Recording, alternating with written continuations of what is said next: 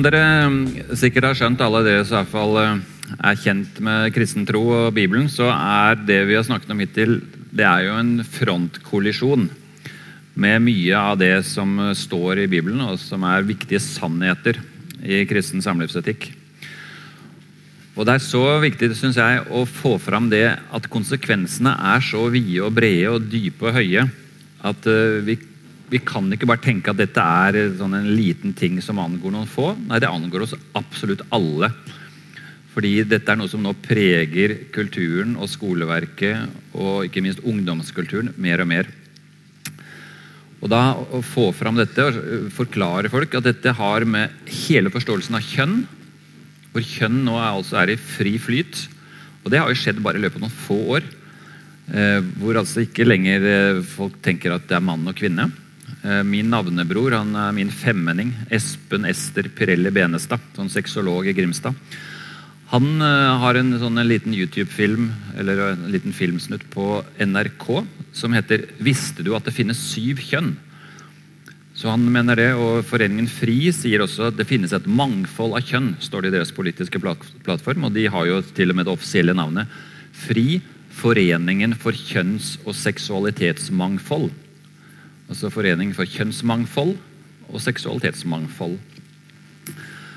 Og Det i seg selv, bare det ene poenget der, som jo ikke har noe med homofili å gjøre, sånn, men som har med hele forståelsen av mennesket som mann og kvinne, hvor altså alle mennesker er jo født med Mann er født med X- og Y-kromosomer, og kvinnen er født med X-kromosomer. Og hvor alle celler, milliarder av celler i kroppen, har de kromosomene alle cellene i hele kroppen vår. Og Det finnes ikke andre. Det er, det er, to former. Det er mann og kvinne. Men allikevel så påstår man altså nå at kjønn er egentlig noe som til og med er sosialt konstruert. Vi er ikke biologisk bestemt til å være mann og kvinne. og Nå begynner man å snakke om at ved fødselen så får barna tildelt kjønnet sitt. De får tildelt et kjønn, gutt eller jente. Som om det er noe du ikke behøver å ha resten av livet, men de får det til, og så kan du endre det siden i livet. Så det er en fullstendig sånn relativistisk tanke om biologi. Og de av dere som kjenner litt kirkehistorie, ser kanskje noen likheter her. Eh, det er ganske fascinerende, for gnostisisme det var den hovedvranglæren som både Paulus og andre kjempet mot, ikke minst i det første andre århundret av kirkens historie. Og Gnostisismen den ser, den er så veldig dualistisk, hvor det er ånd og materie. Hvor det er ånden som representerer det gode og det sterke og det som vi skal strebe etter, mens materien, øh, kroppen og det fysiske, det er egentlig noe mindreverdig. Og da er det liksom ånden som skal, skal være dominerende. Og da er det veldig tydelig nå også at i vår tid så er ikke kroppen det fysiske noe som bestemmer. Nei, Det er ideologien, det er ånden, det er det vi tenker, det vi føler, det vi bestemmer oss for. Det kan frigjøre seg fra kroppen. for Det er ikke nødvendig å tenke fysisk og biologisk. Her er vi frie mennesker som kan på fritt grunnlag bestemme hvordan vi vil ha det, hva vi vil legge vekt på, hvordan vi vil leve. Og da blir det sånn at Kjønn det er jo noe fysisk. Det er ikke så viktig. Det er mye viktigere hva jeg vil, og hva jeg ønsker. hva jeg har som mine dominerende følelser. Hele synet på seksualitet eh, er jo totalt forskjellig fra det Bibelen sier om hva som er seksualitetens mening og rammer, og hva som er hensikten tatt med at Gud skapte seksualitet. Foreldreskap, hvem er egentlig foreldre til barn? Nå er det mulig, eh, og det finnes vel etter hvert noen barn som har fem foreldre. Eh, hvis de bruker kunstig befruktning eller surrogati, og med biologisk mor og genetisk mor og sosial mor og juridisk mor og far og, og medfar og forskjellig, så det er, eh, det er ganske spesielt at hele foreldretenkningen også nå er eh, i fri flyt. Og barn, hva er egentlig barns rettigheter? Har barn en gudgitt rett til sin egen mor og far? Eller er det bare helt tilfeldig at eh, barn er født med en eh, mor og far som sitt opphav, og at vi står fritt til å omdefinere det også? Og ekteskap selvfølgelig har vi jo både snakket om her, men også et av de temaene som har vært mye diskutert. Hva er egentlig et ekteskap? Og Der eh, syns jeg at det bare er så viktig også å si at vi må med frimodighet, selv om vi blir skjelt ut, og bare vitne om det. Bør ikke forsvare det og argumentere heller. bare alle disse temaene her, Når vi vet at her er det folk som er aggressive motstandere av det vi står for, så bare si helt åpent at jeg prøver ikke å overbevise deg. Du kan få mene akkurat det du vil. Jeg respekterer at du har en annen mening, men jeg faktisk tror det at ekteskapet per definisjon er for mann og kvinne. Det er en biologisk forankret institusjon. fordi er, Mann og kvinne er skapt for hverandre fysisk. Det er faktisk bare mann og kvinne som passer sammen fysisk for å både få barn og for å ha den type seksualitet som øh, skaperverket legger opp til, og som Gud legger opp til, hvis vi vil argumentere bibelsk. Og at ekteskapet også er øh, noe som faktisk er en skaperordning. Fordi jeg er kristen, så tror jeg at Gud mente at, ekteskap, at ekteskapet var for mann og kvinne. Og det er jo så tydelig gjennom hele Bibelen. Og Det kan du være helt uenig i, men det tror faktisk jeg. Og det er ikke jeg flau for å mene. Det er jeg glad for at jeg har den overbevisningen. For jeg tror det er best for mennesket, og jeg tror det er best for familiene, for framtida til landet vårt. For det er grunncellen i samfunnet. Altså Bare vitne sånn tror jeg frigjør oss litt også. At vi behøver ikke å prøve å overbevise våre meningsmotstandere. Det er veldig vanskelig nå, fordi det er en sånn utrolig sterk kraft som står på deres side. Men vi kan vitne på en hyggelig og vennlig måte og så Hvis de skjeller oss ut, så ok, så ta det med et smil. Og vite at det er ikke så farlig. Eh, det er mange av våre trossøsken rundt om i verden som opplever mye mye verre. Eh, for de, de tror på for det de tror på. Så her må vi skjerpe oss med altså, få litt mer tykk hud. Og så bare vitne med fremodighet og glede, og med stolthet også. Dette er, er det jeg står for. Og så Hele synet på familie er jo også eh, helt endret.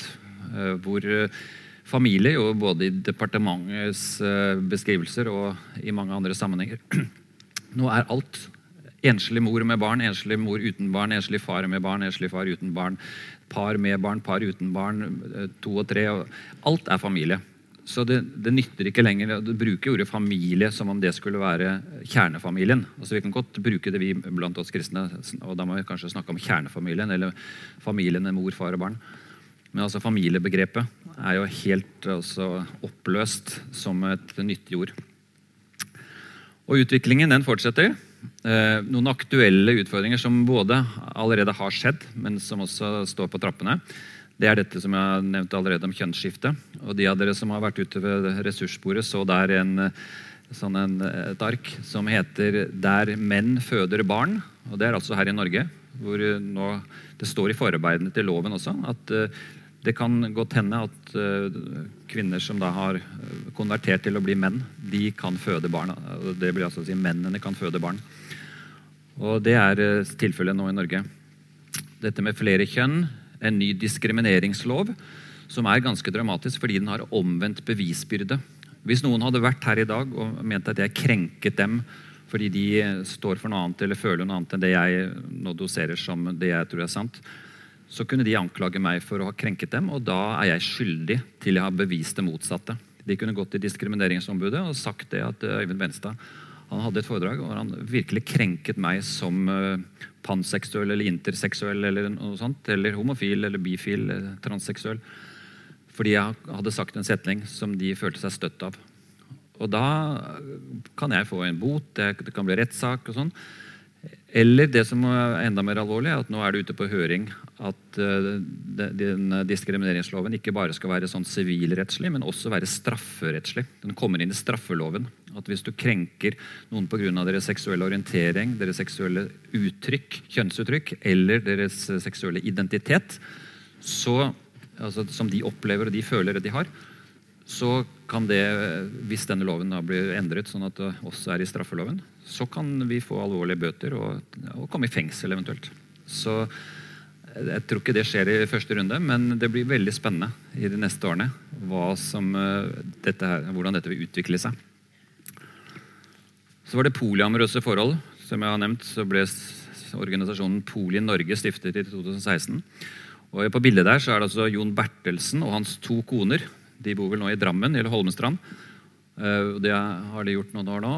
Og han uh, bor med de to. Han er gift med den ene og er samboer med den andre. Og så har han barn med begge, og de er en trio som da har er tre voksne og noen barn. Og i USA så Det er jo et utrolig mye større land enn Norge. Det er 60 ganger så mange mennesker i USA som Norge. Men der, er det minst 500 000 husstander nå som lever polyamorøst. Altså med flere enn to voksne som lever sammen som familie seksuelt. Og med barn sammen og hverandres, mine og dine barn og forskjellig. Men over 500 000 husstander. Og noen vil jo si at det er en seksuell orientering også. Polyamori. Mange vil si at nei, det er det ikke. Men det er, det er spennende å se hvordan dette vil utvikle seg, utvikle seg også i Norge.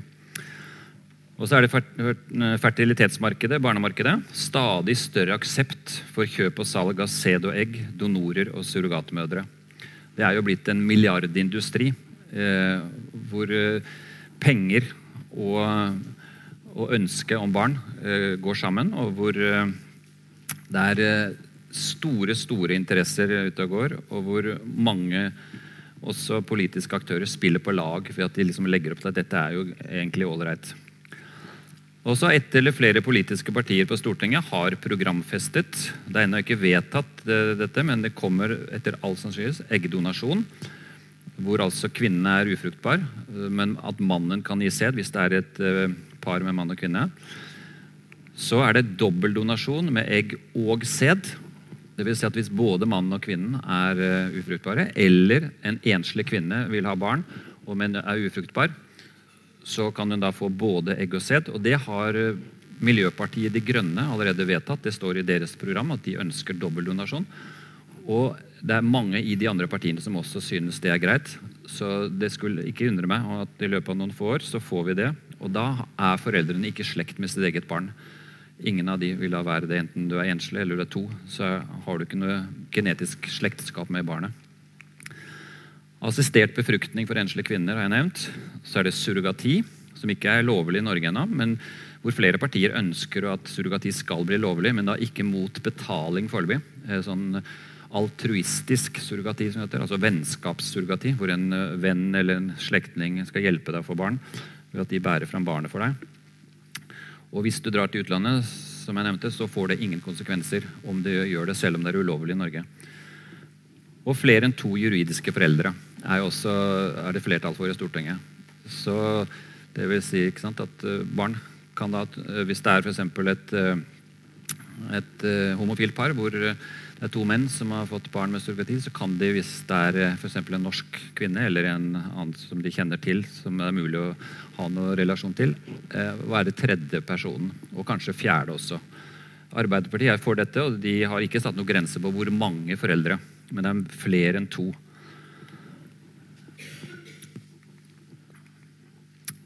Vi må se litt på, før vi går hvert inn for landing her, og åpner litt for spørsmål og kommentarer. Jesus som forbilde og Bibelen som autoritet. Det første jeg har lyst til å si, det er at vi er kalt til radikal kjærlighet. Nestekjærlighet overfor alle, det er Jesu kall, også dem vi er dypt uenige med, og som kanskje fordømmer og forakter oss. Idealet det er å være tro mot sannheten i kjærlighet. Det handler om både kjærlighet og sannhet. Bygge broer av kjærlighet og trekke grenser av sannhet. Det synes jeg er et godt bilde, fordi vi er kalt til å virkelig bygge broer av respekt, åpenhet, øh, vennlighet, ikke minst. Og det å ikke godta og si at det, det er helt greit, det, som du tenker og mener og lever, men at vi møter mennesker med Jesus sinnelag. Samtidig som vi trekker grenser. At jeg kan ikke la meg presse til å oppgi det jeg mener er sant og rett og godt. Jeg tror at Bibelen snakker sant. Jeg tror at dette er det beste. Biologien taler sin tidsspråk. Så jeg må trekke grenser, men jeg vil gjerne være din venn allikevel. Selv om vi er dypt uenige. Være din kollega eller nabo. Det har ingenting med at jeg ikke liker deg eller at jeg forakter deg. På ingen måte. Eh, og det har med også å vise radikal kjærlighet. Å overraske folk med vennlighet og med kjærlighet, det er, det er, noe vi trenger å øve oss i, tror jeg. For det er flere og flere som synes vi er ekle.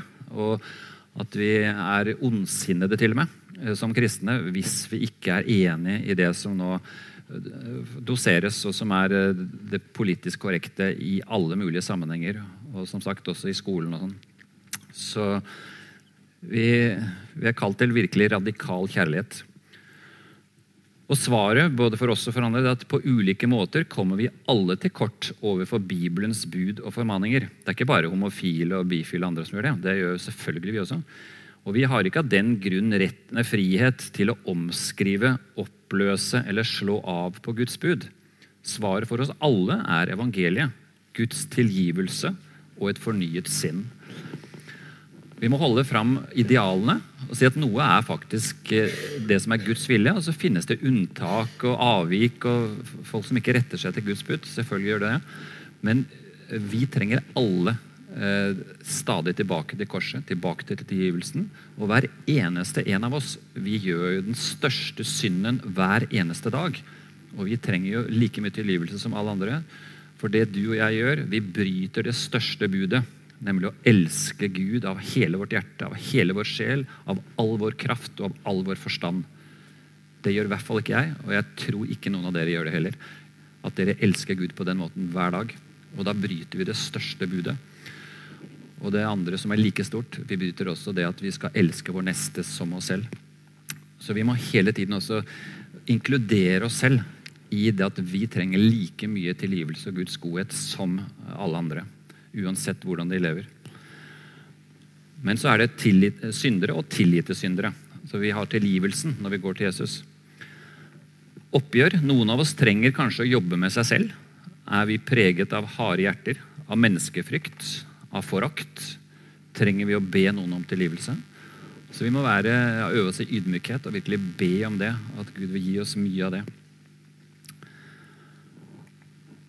Bibelen er jo veldig klar på at ekteskapet er for mann og kvinne. Det er et entydig budskap i skapelsesberetningen, i ti bud. Du skal hedre din far og din mor. Jesu liv og lære. Alle beretninger, eksempler og undervisning i hele Bibelen. Det finnes ikke ett eneste unntak. I Det nye testamentet er Kristus brudgommen, menigheten er bruden. Verken Det gamle eller Det nye testamentet antyder at ekteskapet kan være noe annet enn mann og kvinne. Det finnes ikke et eneste unntak i hele Bibelen. Og En bibelsk forståelse av ekteskapet, for å vise dere en eh, veldig enkel, men samtidig ganske interessant og fyldig presentasjon, som kan bygges ut eh, på flere måter. Men det er altså dette kjente verset som både står i skapelsesberetningen, og som Jesus siterer. Derfor skal mannen forlate sin far og sin mor og holde fast ved sin kvinne, og de to skal være én kropp. Dette er oversettelsen fra 2011. Det kunne like godt stått uh, 'holde fast ved sin hustru'. For det første, Derfor skal mannen det er altså en voksen, selvstendig person. det er Barnebryllup og den slags barneekteskap det er ikke bibelsk. Skal forlate. Uh, det er oppbrudd, det er en ny livsfase, ny lojalitet. Det er en ny person som nå blir hovedperson i det den mannens liv, nemlig den kona skal forlate sin far og sin mor, altså den naturlige familien med mor og far, og holde fast ved ny familie, ny sosial enhet, en varig, livslang trofasthet. Og Det er interessant at det ordet 'holde fast ved' på hebraisk det kan også bety 'være limt sammen med'. Så mann og kvinne er limt sammen med hverandre. Å holde fast ved sin kvinne, det er altså mann og kvinne to kjønn som tilhører og utfyller hverandre. Og så er det, og de to det er et par bestående av mann, en mann og én kvinne. Det er ikke tre eller fire, og det er ikke én heller. Altså, det har jo vært tilløp nå at noen har giftet seg med seg selv. Eh, men det er ikke heller en del av bibelsk teologi om ekteskapet. Eh, og så er det være, prosess med kjærlighet, læring og utvikling. Og én kropp. Det er en unik enhet mellom mann og kvinne som fører til familie og foreldreskap. Så dette synes jeg er en veldig interessant eh, framstilling av, på ett eneste vers av hva Bibelen eh, i stikkordsform sier om det kristne ekteskapet og den bibelske forståelsen av ekteskapet.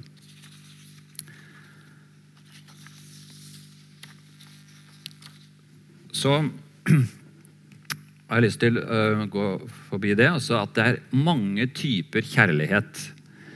Vi hører jo i vår tid veldig mye om at eh, kjærligheten trumfer alt, og eh, størst av alt er kjærligheten og sånn. Men det er jo slagord som ikke holder helt mål. Fordi det finnes jo på gresk fire ord for kjærlighet. Eh, og de fire ordene de beskriver ulike typer kjærlighet. På norsk og også i og for seg på engelsk så er det jo liksom bare kjærlighet og love. Og, sånn, og så tenker veldig mange på seksuell, erotisk kjærlighet når de hører ordet. Men i Bibelen, eller ikke bare i Bibelen, men også i greske språket altså Alle disse ordene står ikke i Bibelen, men det som er vanligst i Bibelen, det er jo agape. Guds kjærlighet til oss og gjennom oss til andre, altså nestekjærlighet. Det er den selvhengivende kjærligheten, den som ikke har noe med erotikk eller noe å gjøre tatt, men som er godhet. Guds godhet og den godheten vi viser til andre. Og så er det filia. Det er kjærlighet mellom venner. Så er det storge, som er kjærlighet i familien og i slektsrelasjoner. Og så er det eros, som er erotisk, romantisk og seksuell kjærlighet. Og agape, som jeg sa, i Det nye testamentet er agape det mest brukte ordet for kjærlighet. For står det i 1. Johannes 4,8 Gud er kjærlighet, eller altså Gud er agape. Og det står ikke Gud er eros. Og I Kjærlighetens høysang i 1. Korinterbrev 13 så står det størst blant dem er agape. Det står ikke størst blant dem er eros. Og det står jo heller ikke 'størst av alt'. Det, det er ikke noe bibelsitat i det hele tatt. Slagordet 'størst av alt er kjærligheten' det er ikke noe bibelsitat. Det er noe som noen har funnet på, men det er størst blant dem. Nemlig blant tro, håp og kjærlighet. For kjærligheten er ikke størst av alt. Det er Gud som er størst av alt. Eh, det finnes ting som er større enn kjærligheten, og i hvert fall Gud. Eh, og den treenige Gud. Og det finnes helt sikkert andre ting også man kunne si er kanskje enda større enn kjærligheten, men i hvert fall så er den treenige Gud større enn en kjærlighet, som i hvert fall mennesker produserer, og som ofte har liksom overtoner av erotikk. Så det er eh, mye sånn uklarhet og kanskje vi kunne si også manipulering med språk her. Da går vi over på de to siste bildene. Eh, det første det er eh, disse tre grunnpilarene i bibelsk familieteologi som jeg har lyst til å bare nevne for dere, som ligner litt på disse tre b-ene. Det er bare sagt med litt andre ord, egentlig, men som blir enda tydeligere, kanskje. Det ene det er ekteskapsdefinisjonen. At ekteskapet er en skaperordning for mann og kvinne innstiftet av Gud. Det er ingen menneskelig oppfinnelse eller sosial konstruksjon. Det holder fast på med stolthet og frimodighet bare si at jeg tror faktisk at ekteskapet per definisjon er for mann og kvinne. Når du gjør det, så har du allerede satt ned en viktig påle for å stå fast, og for at uh, din samlivsteologi og forståelse vil holde også i motgang. Den andre pålen og pilaren det er mor-far-barn-relasjonen, som jeg har vært inne på flere ganger, men som bare er så utrolig viktig hele tiden å gjøre klart for seg selv og andre. Mor-far-barn-relasjon er unik og står i en særstilling. Det er helt logisk og biologisk uimotsigelig. Den er vesensforskjellig fra alle andre relasjoner. Og så er det barneperspektivet. Barn har en gudgitt rett til sin egen mor og far. Ingen har lov til å frata dem denne retten. Verken mor eller far er overflødig. Barn er en gave, ikke en rettighet eller en handelsvare. De, den som står fast på disse tre sannhetene, med Jesus som forbilde og autoritet, vil kunne stå støtt i møte med utfordringene som kommer. Altså Du vil kunne få utfordringer som vil koste litt, men hvis du har de tre pilarene eh, under huden og er villig til å argumentere for dem og kjempe for dem, så er veldig mye vunnet. Hvis du oppgir en av disse, så, så har du egentlig tapt på sikt. Da vil det være utrolig vanskelig å stå mot eh, når du har sagt A, så er det vanskelig å stå mot B og C og D og E som kommer. Fordi akkurat de samme argumentene som du brukte for å oppgi en eller flere av disse Eh, sannhetene, da vil de kunne brukes på de neste også. Det som eh, er en utrolig stor utfordring for oss, og så vanvittig viktig, det er at vi prøver å kommunisere på en positiv måte det vi står for. Og da syns jeg det aller eh, beste rådet det er å prøve hele tiden å formulere ja-budskap Vi mener ikke det vi gjør fordi vi er imot alt mulig, men det er fordi vi sier ja til viktige sannheter. Og Da skal vi dele ut et nytt ark. hvis du kunne hjelpe til med Det så det er et lite blått ark som ligger på bordet. som heter, altså Jeg hadde med meg, så la jeg fra meg. Men du finner eh, det der, ja. Kampen om ekteskap og barnet, er det ikke det? Så hvis dere nå får det i hendene, så kan vi starte med noe på veggen som sier omtrent det samme, bare den, det arket dere får, er eh, mye mer fyldig. På baksiden av ekteskapserklæringen så står det et tydelig ja-budskap. Ja til Bibelen som forpliktende autoritet for tro, lære og liv. Ja til ekteskapet som Guds skaperordning for én mann og én kvinne. Ja til mor-far-barn-relasjonens særstilling og unike betydning. Ja til barns gudgitte rett til å kjenne sin egen mor og far. Og ja til barneperspektivet i Kirkens teologi og praksis. I, på det blå arket dere har fått, så står det en god del flere sånne ja-utsagn. Og da vil jeg virkelig oppfordre dere til å studere, bruke det arket litt og kanskje skrive ned på et eget nytt ark de fire, fem, seks som dere syns er viktigst, og som dere gjerne lærer utenat, og som dere bruker bevisst i samtaler, i egen refleksjon og bønn omkring dette. Hva er det jeg sier ja til, og som er begrunnelsen for oss å måtte si nei til det motsatte? Men at utgangspunktet vårt, det vi bygger hele vår overbevisning og vår tro på, det er jo ja-budskapene. Alt det Gud har gjort og sagt og skapt, det sier vi ja til. Og det er ikke fordi vi ønsker å si nei til alt mulig annet. Nei, det er for å si ja. Og På baksiden så står det da, av det blå arket så står det noen nei-budskap, som jo da er det motsatte av de ja-budskapene. Men det kommer i andre rekke som et resultat, som en konsekvens av det vi sier ja til.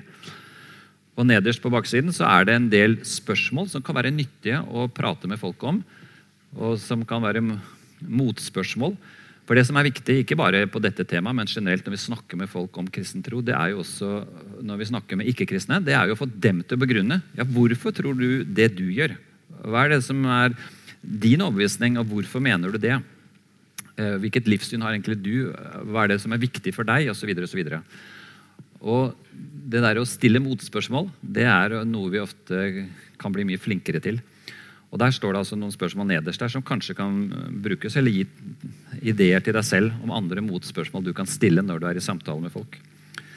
Så Det lille blå arket der det kanskje du kunne til og med legge i Bibelen eller et annet sted, henge det opp. et sted hvor du kan se det og Bruke det litt aktivt og så kanskje lage din egen versjon. Og dette er det jeg virkelig vil formidle eh, som ja-budskap når jeg snakker med folk. Og eventuelt skriver og formidler. Da har jeg kommet til uh, veis ende i min presentasjon. Og før vi åpner uh, for uh, litt samtale, så kunne jeg tenke meg å bedre vende dere mot sidemannen, sidekvinnen, to og to, eller eventuelt tre og tre. Og så bare snakke et par minutter, fordøye litt om det er noen spørsmål dere hadde lyst til å stille, noen kommentar, noe dere syntes var viktig, noe som var vanskelig, noe dere er uenig i. sånn. Hva som helst fra denne kvelden. Så vær snill, bare prat litt sammen. Dere får bare to minutter, og så åpner vi for plenum etterpå. Vær så god.